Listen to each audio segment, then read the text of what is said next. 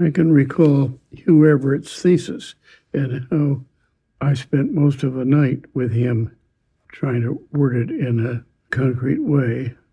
But the ideas in the thesis were so strange to many people that they provoke strange names and particularly produced a strange name, the many world interpretation of quantum mechanics. If there's anything designed to confuse somebody about what quantum mechanics is all about, this does it.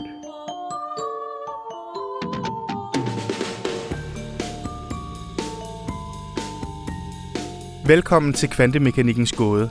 En programserie om de enorme mysterier, der gemmer sig i verdens allermindste dele. Mit navn er Mikkel Wurla. Og jeg hedder Nils Alstrup, og sammen dykker vi ned i en verden, hvor alt sund fornuft er sat ud af spil. Hernede søger vi svar på et stort spørgsmål. Hvad er virkeligheden? Hvis der er noget, som kan gøre en forvirret omkring, hvad kvantemekanik er, så er det det her – sagde altså den berømte amerikanske fysiker John Wheeler i introklippet til dette program. Konkret så taler han om en forklaring på kvantemekanikken, som kaldes mangeverdensfortolkningen, og som er en af de ting, vi skal omkring nu. I dag er det nemlig blevet tid til at måbe over bud på, hvor vanvittig verden måske er indrettet. For nu er vi endelig fremme, Niels. Det er rigtigt.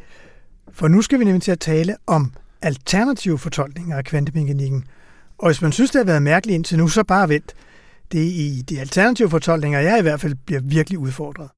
I de tidligere programmer, der har vi hørt om, hvordan kvantemekanikken er en fortryllende effektiv teori, når det kommer til at løse problemer og udvikle teknologi, men også at den her radikale teori om, hvordan verdens mindste byggesten opfører sig, kommer med en meget høj pris. Vi har så at sige måtte give køb på selve virkeligheden, i hvert fald hvis man skal følge Niels Bohrs udlægning. Ja, for det passer jo ikke helt, at vi ikke har hørt om nogen fortolkninger endnu. For i første program forklarede professor ved Niels Bohr Instituttet, Claus Mølmer, om det, der hedder Københavner-fortolkningen, som Niels Bohr var med til at udvikle. Og Claus Mølmer fortalte, at den her fortolkning siger, at det grundlæggende er en teori om viden, at når vi foretager en måling på noget i den her kvanteverden, så siger det kun noget om måleapparatets interaktion med partiklerne. Altså vi får intet at vide om en eventuel virkelighed uden for vores data. Og der er ifølge Københavnerfortolkningen heller ikke nogen grund til at spørge, hvad virkeligheden mon er. For selv hvis den skulle findes, så har vi ikke adgang til den. Og lige præcis det er der mange, der har haft problemer med at sluge. Og som vi hørte i sidste program, så forsøgte Albert Einstein at udfordre kvantemekanikken og pege på, at der måtte findes nogle regler nedenunder kvantemekanikken, nedenunder det hele, som vi bare ikke kendte til. Men i løbet af 80'erne, længe efter både Bohrs og Einsteins død, viste en række fysikerhold eksperimentelt, at der ikke kan være skjulte regler nedenunder kvantemekanikken. I hvert fald ikke, som Einstein forestillede sig den.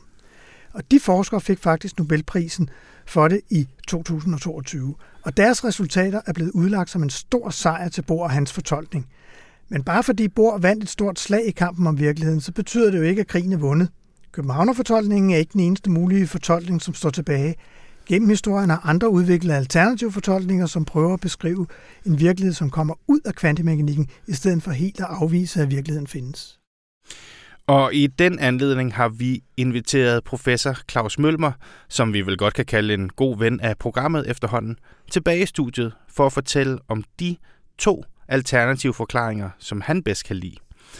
Og jeg må sige, at jeg glæder mig meget til at blive taget ud på den her færd, for hvis man synes, at kvantemekanikken er gakkelak, så skal man glæde sig til at møde de her fortolkninger her.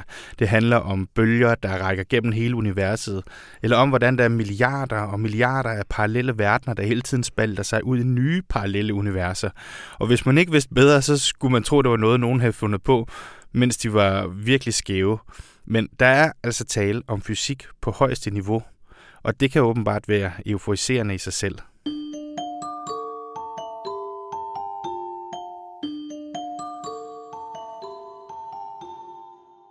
Claus Mølmer, du er tilbage i programmet, og det er vi virkelig glade for. Velkommen til. Tak for det. Vi, vi kan jo lige genintroducere dig. Altså, du er professor ved Niels Bohr Instituttet, og siden du for første gang støtte på kvantemekanikken for noget, der ligner 40 år siden, så har du jo stort set ikke set dig tilbage. Så hvad er det for dig, der er så fascinerende ved den her verden her? Så det, der er fascinerende for mig, det er, at så grundlæggende spørgsmål med i grunden så simple fysiksystemer er stadigvæk fascinerende og gådefulde for os, at vi i dag ser måske nye anvendelser som kvantecomputer og kvantekryptering, der tager udgangspunkt i det. Øh, meget videnskab har måske en tendens til at blive meget, meget detaljeret og specifikt, og man er meget specialiseret. Men vi står faktisk og diskuterer noget af det, der står på side 1 i kvantemekaniklæreboggen, og også stod der for 50 år siden. Det synes jeg er vildt fascinerende. Og i den her programrække, der har vi jo haft Niels Bohr som en gennemgående figur, og du var med til at introducere ham i første afsnit. Vi hørte om hans rolle i udviklingen af kvantemekanikken og hans intellektuelle kamp med Einstein og hans rolle under 2. verdenskrig. Og, og vi har forsøgt at forstå kvantemekanikkens verden igennem hans blik. Men i det her program, der er det tid til at slibe knivene. For i dag så skal det handle om de tolkninger af kvantemekanikkens verden, som gør op med Bohr og hans tænkning. Altså et oprør mod det, som man kan kalde for Københavnerfortolkningen. Og vil du ikke starte med at forklare, hvad, hvad er Københavnerfortolkningen? Jo, altså det, vi er i den helt specielle situation, at, at vi jo ikke filosofer, vi er i hvert fald ikke kun filosofer, der sidder og diskuterer noget. Vi har faktisk eksperimenter, vi har data, og vi prøver på at lave en teoribeskrivelse, hvor vi kvantitativt sammenligner med data. Og vi har lavet en kvanteteori tilbage i 20'erne, som giver formler og talværdier, som passer med vores eksperimenter. Så vi er ikke engang uenige om, hvilke formler vi skal bruge, fordi det er dem, der passer. Vi har ikke andre. Øh, så vi er i den meget usædvanlige situation, at vi har en fuld flyvende teori, og vi putter den ind i vores computer, eller vi løser den med matematikteknikker, øh, og det passer alt sammen. Men spørgsmålet er så, hvad er det, teorien beskriver? Fordi det er jo bare formler i en bog eller formler på et stykke papir. Og, og øh, formlerne er besynderlige, fordi de beskriver partikler som bølger. Og hvad er det, der bølger? Er partiklerne bølger, eller er det noget andet, der bølger? De beskriver målinger som tilfældige, som har sandsynligheder for, at det giver det ene og det andet. Men hvad betyder det? Betyder det, at i det, jeg laver måling, så opstår der et tilfældigt resultat? Eller betyder det, at der opstår et udmærket, velkendt resultat? Jeg vidste bare ikke, hvad det var. Og den slags spørgsmål får vi ikke svar på ved at kigge på vores formler. Øh, den slags spørgsmål får man kun svar på ved at stille kritiske spørgsmål ind til formalismen, og eventuelt forsøge at lave en teori for, hvad der foregår inde bagved, og se, om det kan laves. Og det øh, forsøgte Einstein især, Øh, han var utilfreds med sandsynligheder, han var utilfreds med tilfældighederne og med bølgebeskrivelsen. Så han forsøgte at sige, måske er der noget virkelig, det vi måler er i virkeligheden velbestemt i forvejen. Og det øh, lavede han nogle berømte paradoxer, som Reichen her også har været inde på, Einstein podolsky rosen paradokset Og det, der er specielt interessant ved de paradoxer, det er, at de tvang Bohr, som var glad nok for kvantemekanikkens øh, tilstand, til at formulere en fortolkning, som kunne kapere de her paradoxer. Og Bors Københavnerfortolkning øh, står ikke nedfældet nogen steder desværre. Der er ikke sådan, der er en plakat eller en stentavle ude på Borinstituttet, hvor Bors Københavnerfortolkning står. Men den siger, at kvantemekanikken er ikke en teori for, hvad der sker i den mikroskopiske verden. Kvantemekanikken er en teori for vores viden om systemet. Det er en teori, som desværre eller heldigvis er den form, at vi ikke har absolut viden, men kun har en sandsynlighedsmæssig viden. Øh, men det er fundamentalt sådan, at vi har ikke andet end den sandsynlighedsmæssige viden. Hvad der sker i den mikroskopiske verden, siger Københavnerfortolkningen præcis ingenting om. Så det vil sige, at den siger ikke, at der ikke er en mikroskopisk verden. Den siger ikke, at, at der ikke kunne være en virkelig virkelighed, der foregik dernede. Den siger bare, at vi har ikke brug for den. Fordi vi har en teori, der fortæller, hvad vi ser eksperimentelt. Man kunne jo så sige, hvis der nu var en, der kunne komme og fra skud til skud i et eksperiment, kunne sige præcis, hvad du fik, og ikke kun sandsynlighedsmæssigt, så ville det være en afvisning af Københavnerfortolkningen. Og hvis sådan en teori fandtes og kunne vises i laboratoriet, jamen så ville Københavnerfortolkningen blive forkastet. Men, men som det er nu, så er der ikke sådan nogle teorier, og Københavnerfortolkningen står som en effektiv teori. Og det er jo den venlige udlægning af det, altså det er det, der gør den stærk. Ja. Men hvor er de, hvor er de svage punkter? Jamen, det svage punkt, det er selvfølgelig, at det så ikke er en teori for, hvad der sker, men det er kun en teori for, hvad jeg ved. Og øh, selvfølgelig har naturfilosofer og Platon og alle mulige filosofer har jo nogle gange sagt, findes verden virkelig, eller det er kun øh, drømmesyner, og handler min oplevelse af, hvad det er for en verden, vi lever i virkeligheden, bare om en fordøjelse af mine egne sanseindtryk. Så filosofer har jo også spurgt sig selv, er vores beskrivelse af verden epistemologisk, altså en beskrivelse af vores viden, eller er den ontologisk, noget, der, der er i sig selv. Så, så det er, egentlig et helt almindeligt filosofisk, skal vi sige, øh, diskurs, vi taler om her. Men det er jo meget spændende, at den så handler om noget så jordnært som atomernes verden og, og, og kedelige fysikfænomener. der findes jo så også, skal vi kalde dem ontologerne, dem som siger, at jeg ønsker faktisk at beskrive verden, som den er, og ikke som min sansning af den. Det ønskede Einstein. Øh, han ville nærmest give sin svigermors venstre arm for at få en, en teori for verden, som den var, øh, i stedet for en teori for, for noget så abstrakt som hans viden om den. Og hans program lykkedes så ikke, det vil sige hans paradoxer, har faktisk været øh, undersøgt eksperimentelt af Speer og Company, men der har været andre, der har forsøgt at formulere, skal vi sige, en virkelig virkelighed, som også var i overensstemmelse med kvantemekanikken. Fordi Københavnerfortolkningen står jo så som en fortolkning, Ja. men der findes også andre, som altså ikke er blevet modbevist. Som ikke er blevet modbevist, ja. Så, så, så kunsten er, det er altid sværere at komme med en teori for en virkelighed, end det er at komme med, med Københavnerfortolkning. Den er minimalistisk i den forstand, at den jo netop ikke øh, påstår noget som helst, andet end at det her det er en teori om en viden. Så i kvantemekanikken er vi virkelig nødt til at helt opgive, der fandens en virkelighed.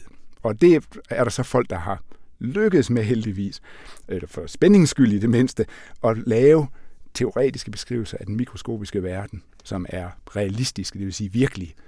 Ja, og, og inden vi helt kommer til de her Ja. spændende idéer om virkeligheden, ikke, så kunne jeg godt tænke mig at bare lige få helt på plads, altså, hvorfor er der overhovedet brug for en fortolkning af det her? Altså, det, det kan man også godt. Det er der selvfølgelig også nogen, der synes, nu skal vi holde op med at snakke om det. Nu har vi haft den diskussion i 100 år, og i praksis daglig brug af kvantemekanikken, så behøver vi faktisk ikke at have den her fortolkningssnak så forfærdeligt meget længere. Vi har formalismer. Det er lidt en fortolkning i sig selv allerede, bare at bruge sandsynligheder, som vi har trukket ud af formlerne, men det, det virker jo, når vi gør det. Man skal så omvendt sige, at det er jo også naturvidenskabens ånd at forstå verden, og, og der er et element af mangel på forståelse i Københavnerfortolkningen. Der er jo netop ikke en beskrivelse af, hvad der sker i den mikroskopiske verden. Jeg synes, det er en nobel og ædel og rigtig naturvidenskabelig tænkning af Einstein at kritisere teorien og forsøge at etablere, hvad er den rigtige teori, hvad sker der i virkeligheden. Og øh, hvis det var lykkedes, så havde vi jo stået i dag og haft en helt anden snak om, om den teori. Øh, det lykkedes ikke for Einstein, det er så lykkedes for, for andre fortolkere faktisk at komme med en slags, det her det er virkelighed, siger de, og, og konsekvenserne af de teorier er så desværre, at de ikke bibringer noget som helst nyt, men, men det er da i det mindste et tankesæt om noget, der virkelig sker, som, som man måske synes bedre om, end en fysikverden, som er så abstrakt, som den er hos Bohr.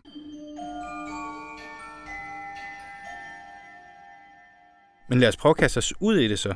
For du har udvalgt to fortolkninger, som prøver at forklare, hvad virkeligheden i virkeligheden er. Og, og det er også så heldigt, at begge de to idéer er faktisk blevet til under dramatiske omstændigheder og pakket ind i nogle spændende historier, som vi også prøver at, at se, om vi kan vikle teorierne sammen med. Men lad os, lad os starte med den første, David Bohm. Ja, Hvad var han for en kæl? Ja, så David Bohm var jo øh, også en af århundredets allerstørste fysikere. Der er mange effekter, som vi navngiver efter øh, Bohm i dag. Ikke kun de her filosofiske overvejelser og diskussioner med, med fortolkning af kvantefysikken, men simpelthen effekter øh, originalt tænkt. Så Bohm var en fantastisk fysiker.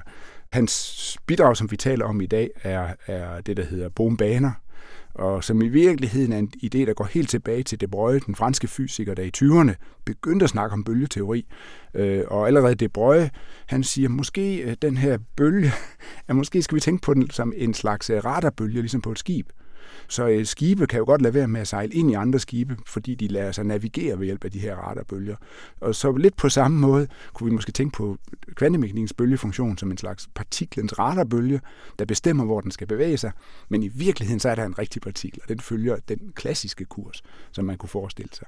Så, så man kan sige, at i stedet for at sige, at der ikke rigtig er noget der til, så siger Bohm, at det findes det hele. Både, Hans- både partiklen og bølgen. Præcis, ja. Og bølgen er en slags øh, matematikbølge stadigvæk. Det løser Schrödingers ligning, så der er ikke nogen brug for nogen ny bølge. Den er præcis den samme, som vi hele tiden har talt om. Men for Bohm siger han, den bølge er den guidende pilot wave, som den bliver kaldt, som, som i virkeligheden er medbestemmende i, øh, hvordan den klassiske bevægelse af den rigtige partikel skal foregå.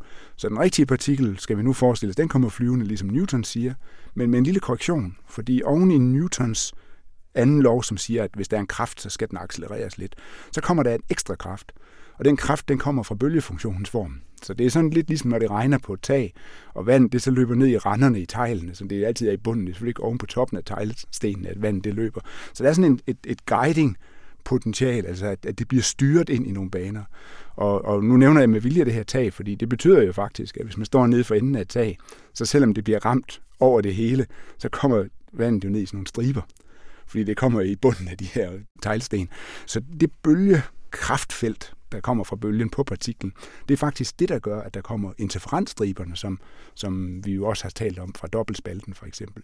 Ja, for nu, nu tager du det der dobbeltspalte-eksperiment, som vi talte om i første ja. afsnit. Altså, som går ud på, at man har en eller anden måler på en, en bagvæg, hvor man skyder nogle partikler afsted, og så rammer de den her bagvæg her. Så kan man se, de rammer de ja. her forskellige steder. Men tricket er ligesom, at deres vej derhen, der er to åbninger i en skærm, som de kan passere igennem. Og på det mønster, man får på bagvæggen, hvor de rammer som enkeltprikker, det tyder på, at de ikke bare sådan skyder igennem det ene hul eller det andet hul, men at de bevæger sig igennem det som en bølge. Du kan i hvert fald sige, at når jeg åbner min kvantemekanik lærebog, så er der ikke nogen teori for, at den har bevæget sig gennem den ene eller den anden åbning. Der er en teori, der siger, at der er en bølge, der er rejst igennem begge huller. Og bølger er jo store, så bølger kan godt ramme en væg flere steder på én gang. Og det der, hvis der så er to huller, jamen, så vil noget af bølgen trænge igennem begge de to huller. Og, og når de bølger de så mødes igen, fordi de breder sig ud i rummet bag ved skærmen, ja, så opstår der det her øh, summønster af bølgerne, som vi kalder interferens. Så i Bohms fortolkning, der har vi stadigvæk, at partiklen der bevæger sig gennem det ene hul. Ja. Altså helt klassisk. Men bølgen, som følger med den her partikel, den bevæger sig gennem begge hullerne, og så vil partiklen så være styret af bølgen på den anden side, så derfor så vil den i sidste ende ligesom følge den ja. bane, der gør, at man, man vil få et interferensmønster, hvis man har rigtig mange partikler, Præcis. der kommer igennem. Ikke? Det er som om, I kan tænke på det som om, at, at den her bølgefunktion, den danner sådan en pukkelpistbane. Øhm, og hvis der kun var en bølge fra den ene åbning, jamen så ville det blive en kedelig pukkelpistbane, fordi der vil kun være lidt op og ned, når man kører ned ad bakken. Men fordi der er to, så kommer der også pukler på tværs i det her interferensmønster. Og når vores øh, partikel, den så rigtige partikel kommer ind, det vil sige vores øh, skis, øh, skiløber. skiløberen på pukkelpistbanen, jamen så ser man pludselig slalomløbet øh, i den der pukkelpistbane. Og det er det slalomløb, som fører til de striber, vi ser for bom. Ikke? Så for Bohm er der en, en rigtig klassisk bevægelse, og han har jo, og det er jo det forbandede ved det, hvis man meget gerne vil skyde den teori ned, han får fuldstændig den samme fordeling af partikler på den skærm, som vi får via vores kvantemekaniske formalisme. Og så skulle man jo være et skarn for at sige, at det er ikke det, der sker. Det, der sker, det er noget, vi slet ikke vil tale om, fordi det kun er en teori om viden, altså en slags insisterende på en københavnerfortolkning. Hvis der nu fandtes en så simpel forklaring, at der faktisk er rigtige baner. Ja, det er da enormt besnærende bare at sige, ja. at det hele passer. Ja. Men hvad er så problemet? Altså, hvorfor er det så ikke den, der, der står som den dominerende fortolkning? Jamen, det er et super godt spørgsmål, fordi det er, den kunne godt være tiljublet af mange. Den har selvfølgelig sine tilhængere, og, og der er varme tilhængere, der skrives lærebøger om den, der skrives artikler om den. Øh, en grund er jo, at den så desværre jo ikke tilføjer noget som helst nyt. Og den kommer som nummer to. så man har altså allerede en teori, og vi har øvet os i den anden teori. Ja, fordi vi er i 1950'erne. Ikke? Ja, det er nemlig det, vi er. Så vi, vi er kommet lidt langt ind i historien, Øhm, og jeg kunne faktisk godt have den mistanke, at hvis det Brøje havde gennemført sit program tilbage i 20'erne, øh, så det ikke, vi ikke skulle vente på boom til at gøre det helt færdigt, øhm, så kunne det være blevet en gængsbeskrivelse. Og så havde det været lidt sværere at skyde den til side, fordi den gør så meget rigtigt. Jeg skal så også lige sige, at den er lige så gådefuld. Den har jo ikke undsluppet øh, Einsteins paradoxer, fordi hvis man har to partikler, der har den her bølgefunktion. Så har vi stadigvæk Einstein-Podolsky-Rosen-paradokset. Og det altså var sammenfiltrede, sammenfiltrede entanglede partikler, som vi kalder dem. Altså partikler, som oprindeligt måske udgik fra det samme sted og blev skudt afsted i hver sin retning. Vi har stadigvæk, at målinger på den ene har konsekvenser for den anden. Og det bliver jo dramatisk nu, fordi nu er det noget, der sker virkeligt. Nu er det ikke bare Bors viden, som man så kan sige, det er så mere paradoksfrit at tale ud fra en københavnerfortolkning. Men i Bohms banebillede, der bevæger to partikler sig på en måde, der afhænger af deres fælles bølgefunktion. Og det vil sige, at den enes bevægelse afhænger også af den andens bølgefunktion og den andens bevægelse. Som jeg fortalte med den her pukkelpist-analogi. Hvis vi nu tager Bohms historie, jamen så har vi nu to partikler, som bevæger sig i hver deres pukkelpist-landskab, øh, som stadigvæk er sådan, at bølgefunktionsbeskrivelsen, den er, når du ser den ene, så er den anden tæt på. Men, men at forstå, hvorfor den, de baner ned ad pukkelpisten, altså hvordan de to skiløbere faktisk arrangerer det imellem sig, øh, uden kommunikation, på stor afstand, det er stadigvæk øh, ikke et paradoks eller umuligt, men det er øh, for mange fysikere ikke tilfredsstillende, fordi at, at man vil gerne kunne forstå, hvordan den bevægelse foregår. Så der er sådan en stærk afhængighed af hele rummet for, hvad en partikel gør, fordi alle verdens andre partikler, de er der også, og den er også i en slags fælles tilstand med dem. Bohm selv, jamen han, han sagde, at verden er holistisk indfoldet på den måde, at der er en sammenhæng mellem forskellige punkter i rummet, og det er bare det, som, som så gør, at den her mekanisme virker.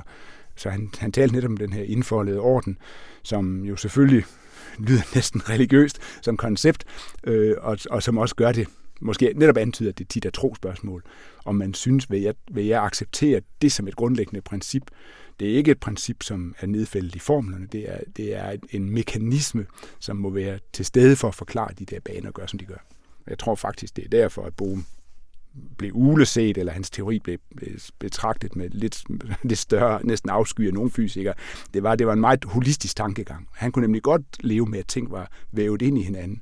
Han begyndte måske også i den tid at besøge Indien og gå med blomsterkranse og snakke om den indfoldede orden, som han også kalder den her dybe sammenhæng, der er i naturen. Og det tror jeg blev lige øh, hippieagtigt nok øh, for mange fysikere. Fordi det, det skulle ikke styres af en, en ønsketænkning om en eller anden smuk harmoni i verden. Det her det skulle jo gerne være naturvidenskabelige argumenter. Men der, men der kunne også være en anden grund til, tror jeg, at den aldrig rigtig fangede an i starten i hvert fald. Og det var, det var timing, og den ligesom interfererede med hans eget liv i den forstand, at den blev fremsat i 51, og så blev øh, Bohm jo fanget af McCarthyismen. Han var, han var kommunist af overbevisning, og han fik inddraget sit pas, og han måtte flygte til Brasilien. Og da han ikke havde noget pas, så kunne han ikke komme ud af Brasilien igen. Så han måtte sidde dernede på universitetet i øh, Sao Paulo. Og han kunne, ikke, øh, han kunne ikke møde sine kolleger. Han kunne ikke forsvare sin teori selv. Han kunne skrive til dem, men de kunne bare lade være med at svare. Så på den måde kom den ikke rigtig i spil på samme måde som for eksempel Einstein og Bohr, som du selv fortalte i, det første afsnit, kunne ligesom bruge hinanden til at altså spille hinanden bedre og skærpe teorien. Så han var meget alene i, det, i den der sammenhæng. Det, det er rigtigt, at når man har en, en kontroversiel teori, og specielt også når man har en, skal vi sige, en dagsorden, der er svær at kommunikere, og det er, ikke, det er jo ikke kun, om man kan lide hippier eller ej, eller man kan lide den her mere holistiske verdensbillede, så, så er det også et, et, et alvorligt tab for, for den her boombeskrivelses, skal vi sige, øh, måske ikke gyldighed, men så i hvert fald for dens øh, appetitlighed, at den har lige så store kvaler med øh, systemer med flere partikler, og, og at det er lige så unaturligt. Einstein ville aldrig have købt beskrivelsen, fordi de er jo lige så radikalt et brud med hans forventninger til verden, som den, skal vi sige, mere københavner fortolkningsagtige beskrivelse. Og det, at Bum så ikke selv kan rejse rundt og moderere den og, og komme i dialog med den, det betyder sikkert meget. Og for lige at binde en lille sløjfe tilbage til vores ven Niels Bohr, ikke? Ja. så har jeg læst, at der, hvor han så sidder eksileret i Brasilien, den her amerikanske kommunistiske fysiker, så sender han det jo ud til alle, og han har også han sendte det også i sin tid til Niels Bohr, men fik så aldrig noget svar tilbage. Men det, han har hørt på anden hånd, er, at Bohr han afviste det som, som fjollet. Som fjollet. Ja. Ja, men det er jo ikke en dyb diskussion, kan nej, man sige. det kan man ikke kalde en dyb her. diskussion. Jeg, Bohr var ellers berømt for også at sige, at, at noget var interessant med den betydning, at det var det ikke. Og, øh, og øh, så, så, så det er en lille smule svaghed, synes jeg, ikke ved Bors program, men måske ved den måde, som diskussionen den kørte på, det var, at åh, det er nogle gange svært, hvis man med stor energi selv har tilegnet sig en forståelse af verden, og så forstå et angreb på den forståelse af verden. Ikke? Man synes jo, at det hele er dækket af, og det hele er dækket af i Københavnerfortolkningen, så, så Bohr har ikke kunne se gevinsten ved det. Og det, og det er jo sådan lidt ironisk, at uh, som en udløber af David Bohms holistiske syn, så begyndte han jo også at beskæftige sig med, hvordan vi kunne skabe en bedre verden gennem dialog. Han skrev en bog, der hedder Om dialog, ja. som netop øh, er fortaler for det med, at vi skal, vi skal suspendere vores egen forudfattede meninger og lytte til andre, før vi danner vores mening. Ja. Og det kan man sige, det var jo det, han selv blev ramt af, at de andre ikke gjorde. I høj grad, men han, han tog sig også et synspunkt, som var, skal vi sige, lidt radikalt, og, og øh, han kan være ramt af, at han ikke har kunne kommunikere det godt nok. Mm. Det han har nok også været lidt, øh, lidt ligesom Ibsens folkefjende, øh, mærket modstand, og så er han måske heller ikke blevet nemmere at snakke med, fordi at så har han haft en, det har været op ad bakke, og han har måske også haft en, en, en måde at kommunikere på, som gjorde det svært at trænge igen. For der var jo et, hvad kan man sige, et establishment, som ja. modtog de her nye idéer her. Altså, der var for eksempel Bohrs øh, ven og tro væbner, øh, Leon Rosenfeldt, han, han angreb det i, i hårde vendinger, skulle også have haft stoppet en artikel i Nature, som, som, ja. som Bohm ville have publiceret, men som han fik sat en stopper for at lave knusende anmeldelser af det, og Werner Heisenberg var også ude offentligt og, og ja. tage afstand for det her.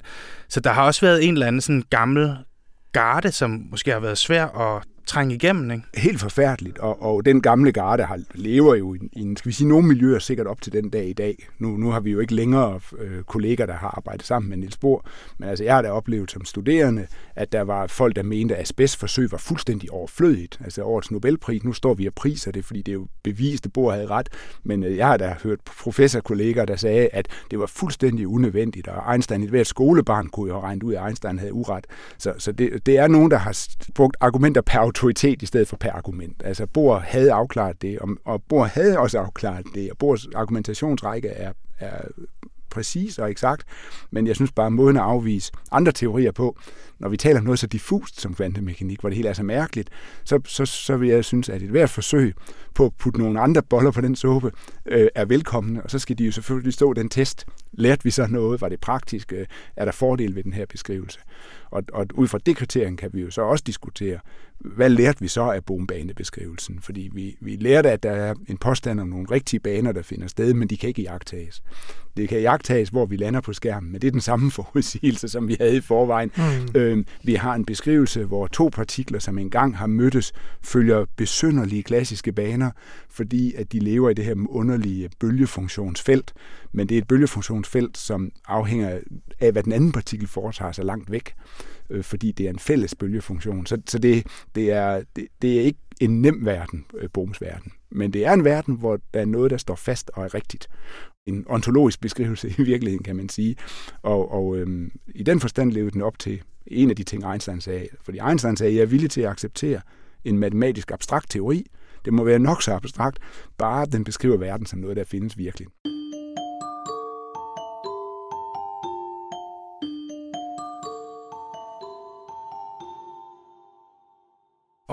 Du har jo også taget en anden en med, som jo altså i sine idéer er et helt andet sted, men som i sin modtagelse kan jo godt afsløre, også støder imod øh, nogle etablerede holdninger, mange af de samme personer måske endda. Ja. Øh, Hugh Everett. Hvem er han? Jamen, Hugh Everett er også en interessant person, også med en interessant øh, liv i øvrigt, og øh, en fysiker, som foreslår det, som vi kalder mange verdensfortolkningen, og som i virkeligheden gør det modsatte af Bohm, fordi hvor Bohm han siger, der findes en virkelighed, og den virkelighed er i virkeligheden klassiske baner. Så kunne man også godt forestille sig det præcis modsatte, som siger, der findes en virkelighed, og virkeligheden er bølger. At bølgefunktionen er rigtig, fordi partikler er bølger. Og det betyder så, at partikler jo så netop er over det hele på samme tid, og partikler går igennem to huller i spalten på samme tid. Hvorfor synes fysikere ikke, at vi kunne lide den her bølgebeskrivelse? Jamen det kunne vi jo ikke, fordi et, vores måleresultater var de her tilfældige ting. Så det var jo ikke bølgerne. Men okay, så kunne man jo være øh, diskutere, hvordan det kunne ske. Og så var der paradoxerne, EPR-paradokset også, som siger, at det er dog lidt vildt, det der sker med de bølger.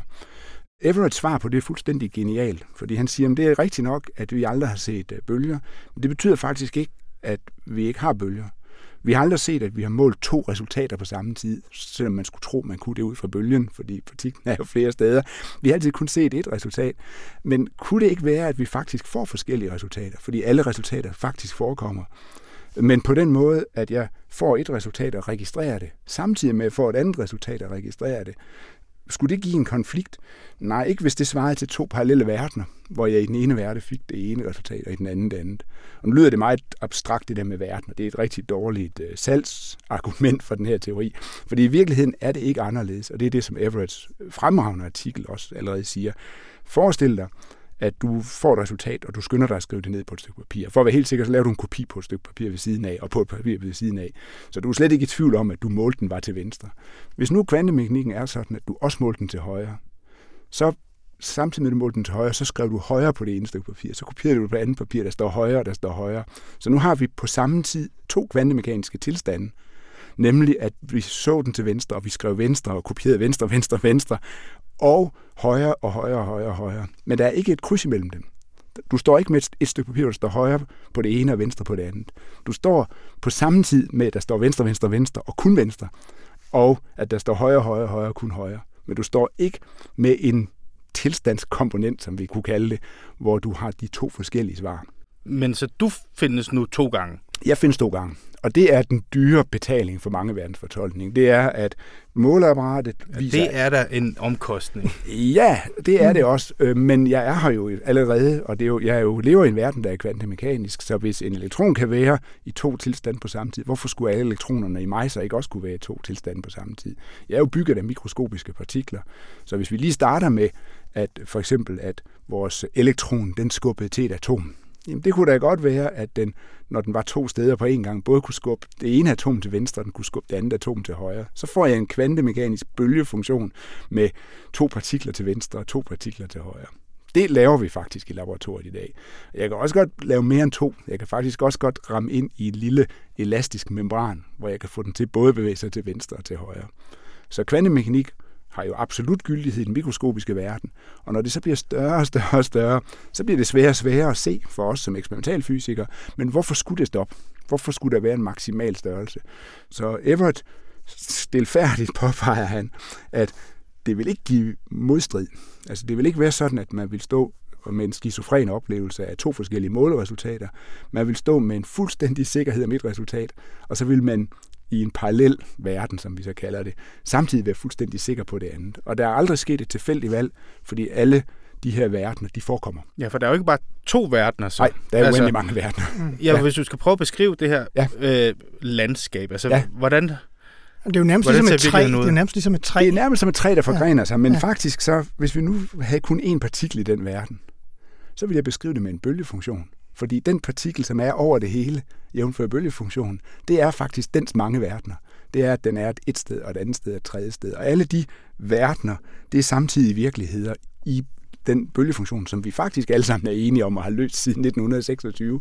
Øhm, og i, i vores matematik kan jeg godt finde på ikke at skrive bølgefunktion, men skrive position 1, position 2, position 3, position 4, forekommer alle sammen, men med forskellige talværdier. Og det er ligesom mange verdensfortolkninger. Så, så øh, hvis man troede på, at bølgefunktionen beskrev noget virkeligt, så for en enkelt lille partikel, så er man måske også klar til at acceptere, at den også beskriver noget virkeligt for de større partikler.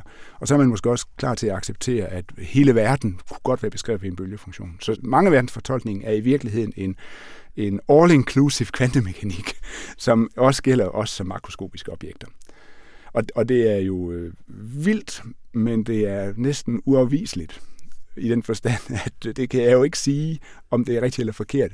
Fordi at vi har ikke det der killerargument imod det, at se, der er konflikter. Og, og det er Everetts fortjeneste. Det var, at han faktisk bare indså, det vil ikke være en verden fyldt med selvmodsigelser. Fordi jeg synes nogle gange, når man hører om den her mange verdensfortolkning, så bliver det sådan en, der tager udgangspunkt i, du ved, menneskelige oplevelser.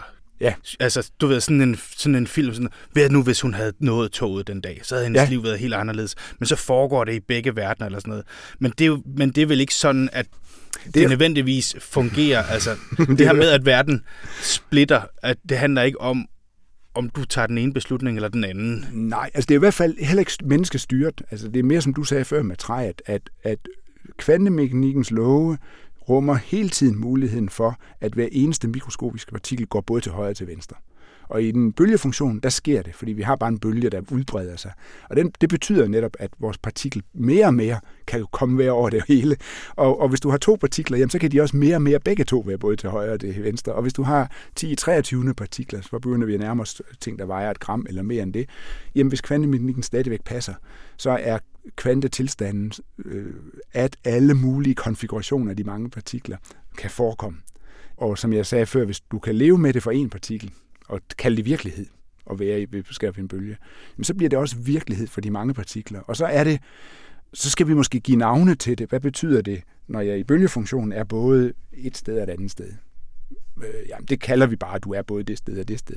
Hvis du nu er mig og dig, der er både et sted og et andet sted, jamen, det skulle man måske også kalde det, i stedet for at kalde det to verdener. Det er ikke sådan, at der er to af os. Der er en af os, men den ene kan være flere steder på en gang. Mm. På samme måde som der er også kun én elektron i bølgefunktionen. Øh, og det, jeg siger, at den er flere steder på en gang, det er ikke fordi, den er både her og her. Det er fordi, den er både til venstre og ikke til højre. Og på samme tid er den også til højre og ikke til venstre. Okay, Ja. Så der er altid kun én. Øh, og, og det er der også i mange verdensfortolkninger. Hugh Everett, som får ideen til mange verdens fortolkningen. Han er, så vidt jeg husker, han studerer på Princeton, er øh, Ph.D.-studerende under en kendt øh, fysiker, som hedder John Wheeler, som også har været elev hos øh, Bohr og haft meget med, med ham at gøre, og også med Einstein. Ja. Og, og Wheeler tager jo godt imod den her idé her, til ja. At starte med, og, og anspore ham til at, at udforske det her område her, fordi han synes, det er enormt spændende. Ja.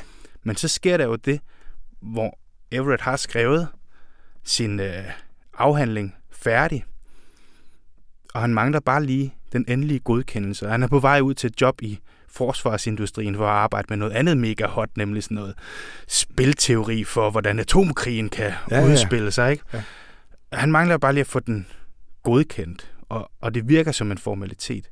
Men så tager Wheeler jo til København og mødes med Niels Bohr og med, med gutterne der. Og så pludselig, så begynder han jo at, at skrive hjem til Everett. Ah, vi er der ikke helt endnu, og øh, hvornår kan du komme til København? Og det er strengt nødvendigt, at du Ja. får talt med, med Niels Bohr om det her. På en eller anden måde kommer der grus i maskineriet, og der er det svært ikke at være en lille smule sådan, altså, eller hvad, hvad tænker du, der det, udspiller sig her? Jamen, det er ikke professionelt, det, det der udspiller sig her. Det er det altså ikke, fordi det er, jeg mener, forskning er jo forskning, og, men vi er jo også mennesker. Så det vil sige, vi er også en del af en social sammenhæng, og derfor er det selvfølgelig ikke noget at sige til, at Wheeler opsøger Bohr. Han har en kæmpe veneration for Niels Bohr, som også er den fantastiske fysiker. Så jeg kan jo ikke stå og sige, det skal man ikke, og man skal, vi, det er en drivkraft, den måde også i vores kreativitet, at vi lader os anspore, og det er ikke altid professionelt eller af rent faglige grunde. Nogle gange er det af personlige grunde, men det er jo også en drivkraft. Så, så, så, så, men derfor er det dybt uheldigt også, at kan man sige, at de store forskere får lov til at kaste så lang en slagskygge, at nye idéer selvfølgelig bliver undertrykt. Ja, for det lader jo til ud fra den korrespondence, der er bevaret for den gang, at, at Wheeler, han, det er meget magtpåliggende for ham, at det her ikke kommer til at stå i kontrast til Københavnerfortolkningen. Ja. Men, men det gør det jo. Ja. i sin essens. Jeg, jeg tænker, at Wheeler selv har været i den situation, mens arbejdet er, er, er pågået. Har han, dels har han ikke selv lavet det præcise arbejde, og dels har han måske ikke været fuldstændig, skal vi sige, opmærksom på, at, at det var så radikale modstrid til, hvad Bohr han sagde. Og Bohr er jo også fortolket uklart af mange.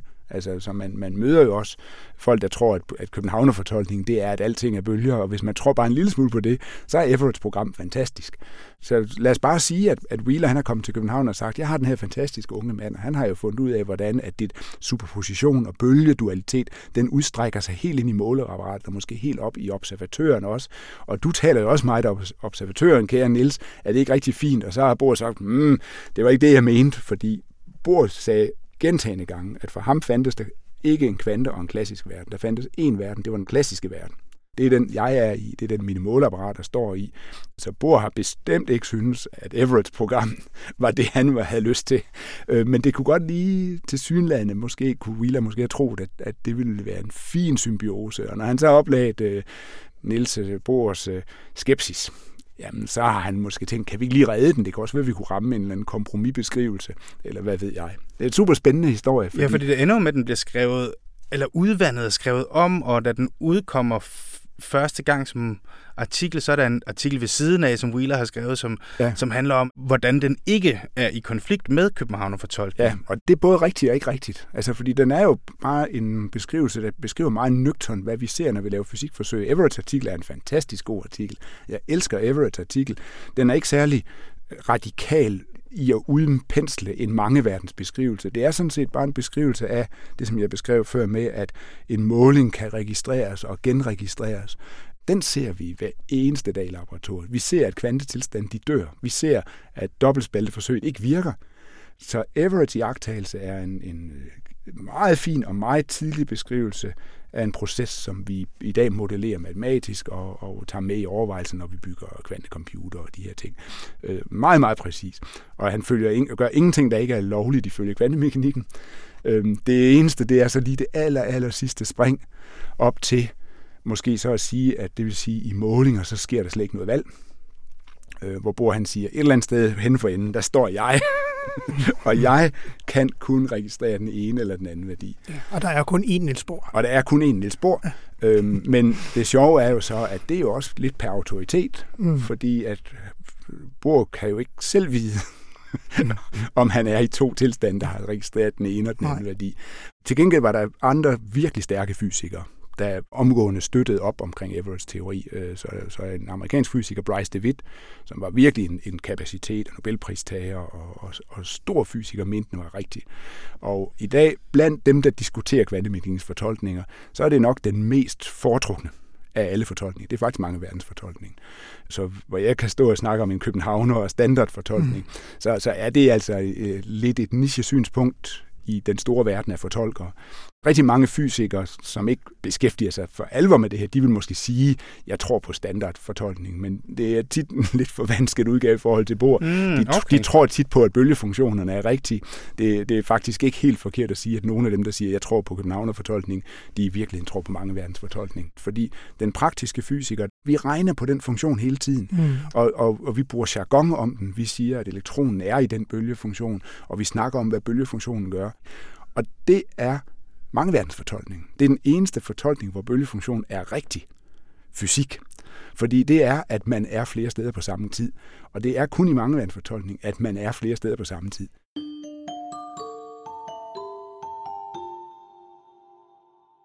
Og noget som, det kan jo være en lille sådan bonusoplysning til, til de lyttere, der må være det her program her, men som bare lige vil sige med Hugh Everett, at vi har jo valgt noget intromusik til programmet her, som er skrevet af en fyr, der hedder Mark Everett, som var, øh, eller er forsanger i bandet Eels.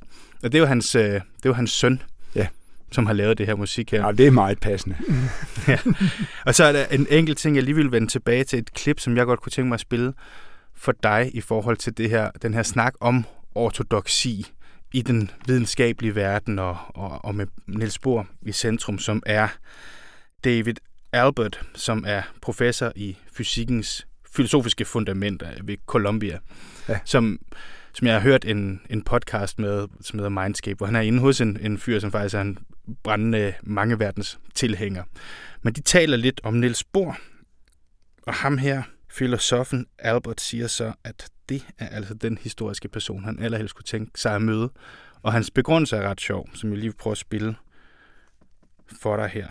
I must say, you know, he's one of the people, if I could pick to meet a historical figure, uh, because he must have been the most, somehow the most charismatic human being in the history of the world. And there was just this long string of brilliant people who would spend an hour with Bohr, their entire lives would be changed.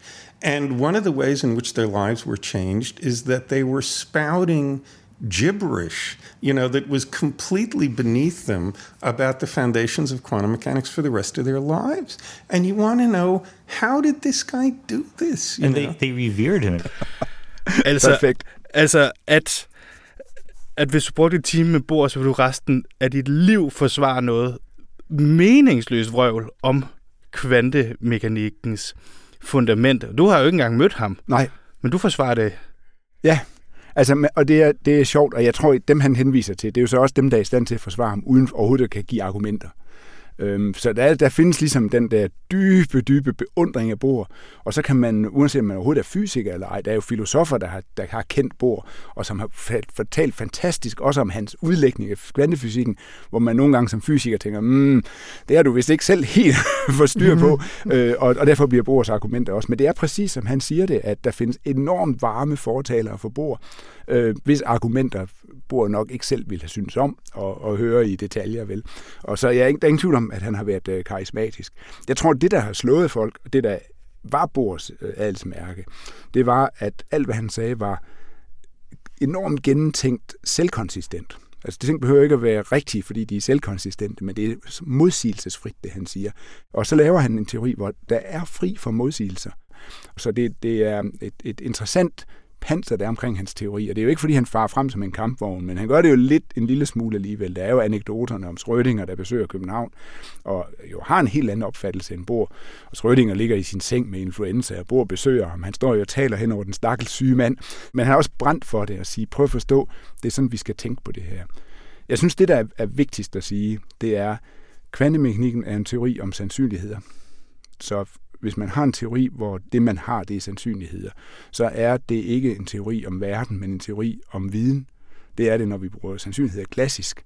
Og derfor er det ikke mærkeligt, det synspunkt, Bohr han har. Jeg synes faktisk, det er meget normalt, det synspunkt, Bohr han har, at, at vores kvantemekanik er en beskrivelse af vores viden om verden. Det er heller ikke i modsid med, at der er en rigtig verden. Og det er heller ikke engang i modstrid med, hvis mange verdens fortolkning var rigtig. Fordi der vil stadigvæk være en, en teori om vores viden, når vi lever i en mange verdens beskrivelse. Øhm, så, så det, der er mere af, det er, har vi behov for mere? Og så kan du sige, jamen, har vi behov for guder? Har vi behov for det ene og det andet? Ikke? Også, nogle gange er det jo konstruktioner, som er enormt nyttige for nogle mennesker, og overhovedet ikke for andre. Og Bo han er så, skal vi sige, øh, ateisten i det her spil her. Han har ikke brug for at konstruere det her ekstra lag. Ja, for det lyder jo som en diskussion, man kan have, hvis man har indtaget mange euforiserende stoffer, for ja, eksempel. Det, det tror jeg også er fint. Og, og det tror jeg er en hyppig, hyppig diskussion øh, øh, i det felt, men, men det, det er imponerende for mig, at folk med meget, meget, meget lange uddannelser og rigtig meget kendskab til matematik, ja.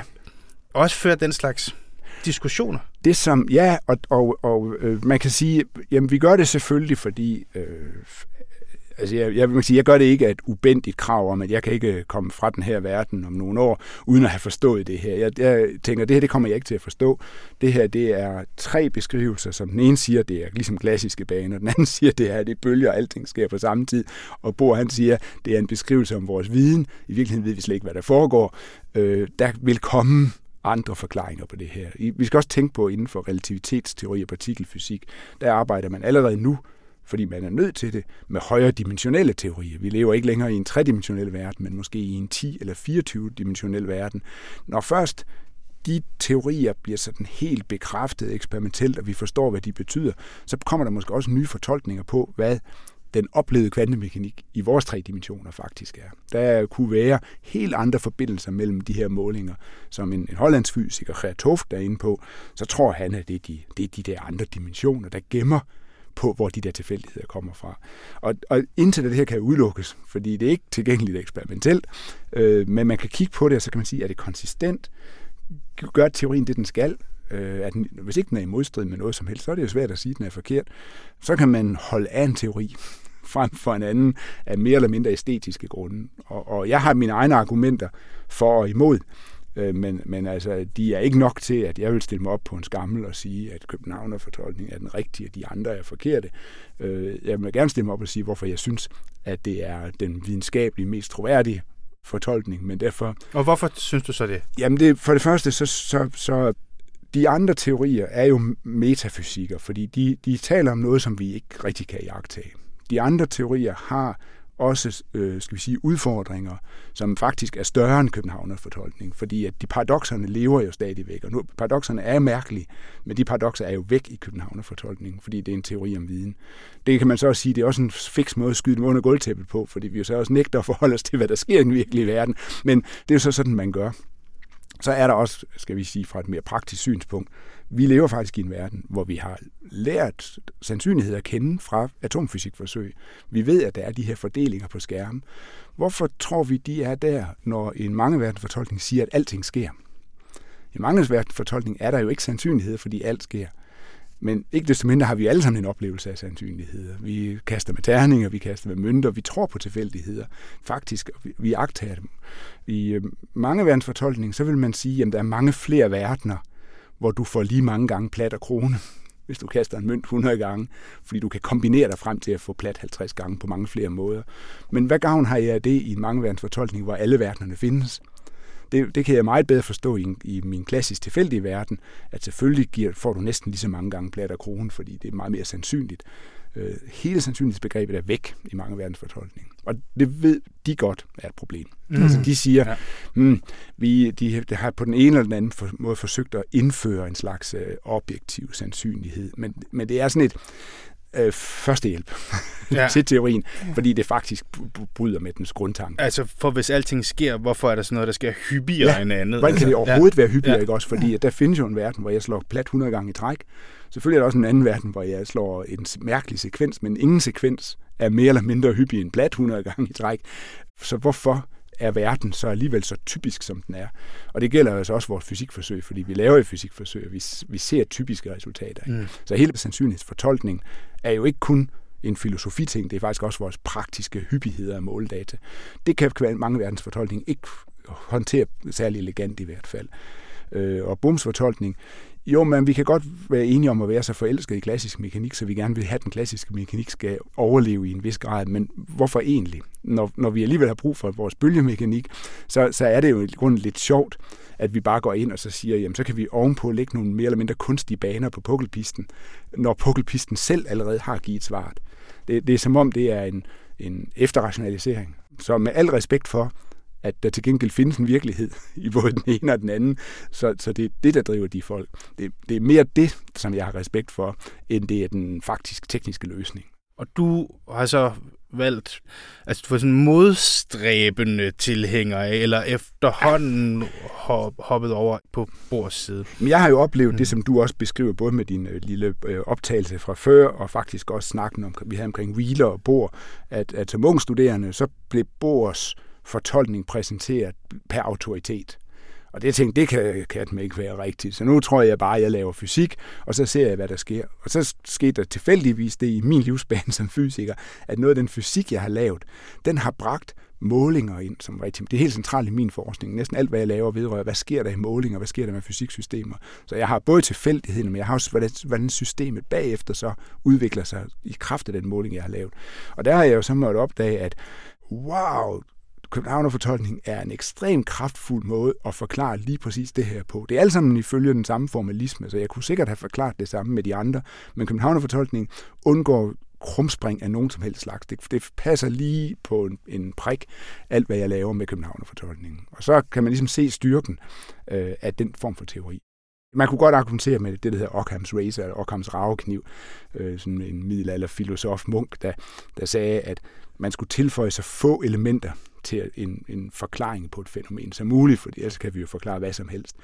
Jeg er ikke en stor fan af at bruge Ockhams raveknivsprincip, fordi øh, det gør det jo ikke rigtigt. Det er jo også et æstetisk kriterium, at det skal være simpel teori. Mm. Så, så jeg synes ikke, det er det rigtige, men jeg synes stadigvæk, at man må anerkende, at hvis den eksisterende teori fuldstændig forklarer et fænomen, så det, at man kommer med ekstra ingredienser, der bare giver det samme, det, der, det synes jeg, der skal tærskelen være høj, for at vi så køber den her nye teori.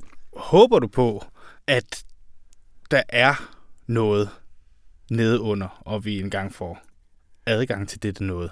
Jeg er fuldstændig øh, sikker på, at vi om 100 år ikke bruger kvantemekanikken, som den ser ud i dag, på samme måde. Vi kommer selvfølgelig til at bruge kvantemekanikken til at beskrive alle de fænomener, vi beskriver i dag. Det er også den verden, vi kommer til at leve i om 100 år. Men jeg er helt sikker på, at vi har en teori, der graver et spadestik dybere og har nogle vigtige korrektioner. Og det kan være, at vi har en teori, som går ud i de andre dimensioner, og hvor, hvor der er en anden grund til tilfældigheden.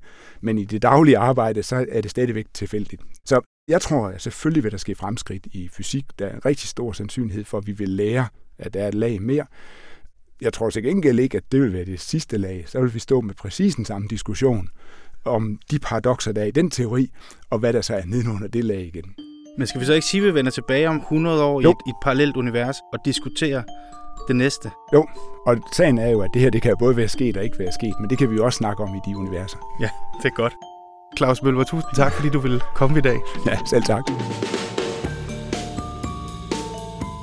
Og sådan ender fjerde afsnit af Kvantemekanikkens gåde med forvirring på allerhøjeste videnskabelige niveau. Og hvad betyder det så?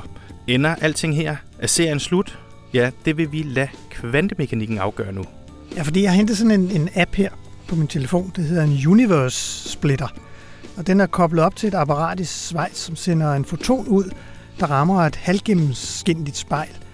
Og det vil sige, at fotonen enten suser igennem spejlet eller reflekteres af den. Men som vi jo ved fra kvantemekanikken, så sker begge dele jo. på en eller anden måde. Ikke? At fotonen er en superposition mellem at suge gennem spejlet eller blive reflekteret fra det. Så hvis vi nu befinder os i det univers, hvor fotonen suser gennem spejlet, så laver vi et femte afsnit. Okay. Og så vil der jo så være et andet univers, hvor det hele er slut nu. Så lad os se, hvor vi ender henne. Okay. Yes. Er du klar? Ja.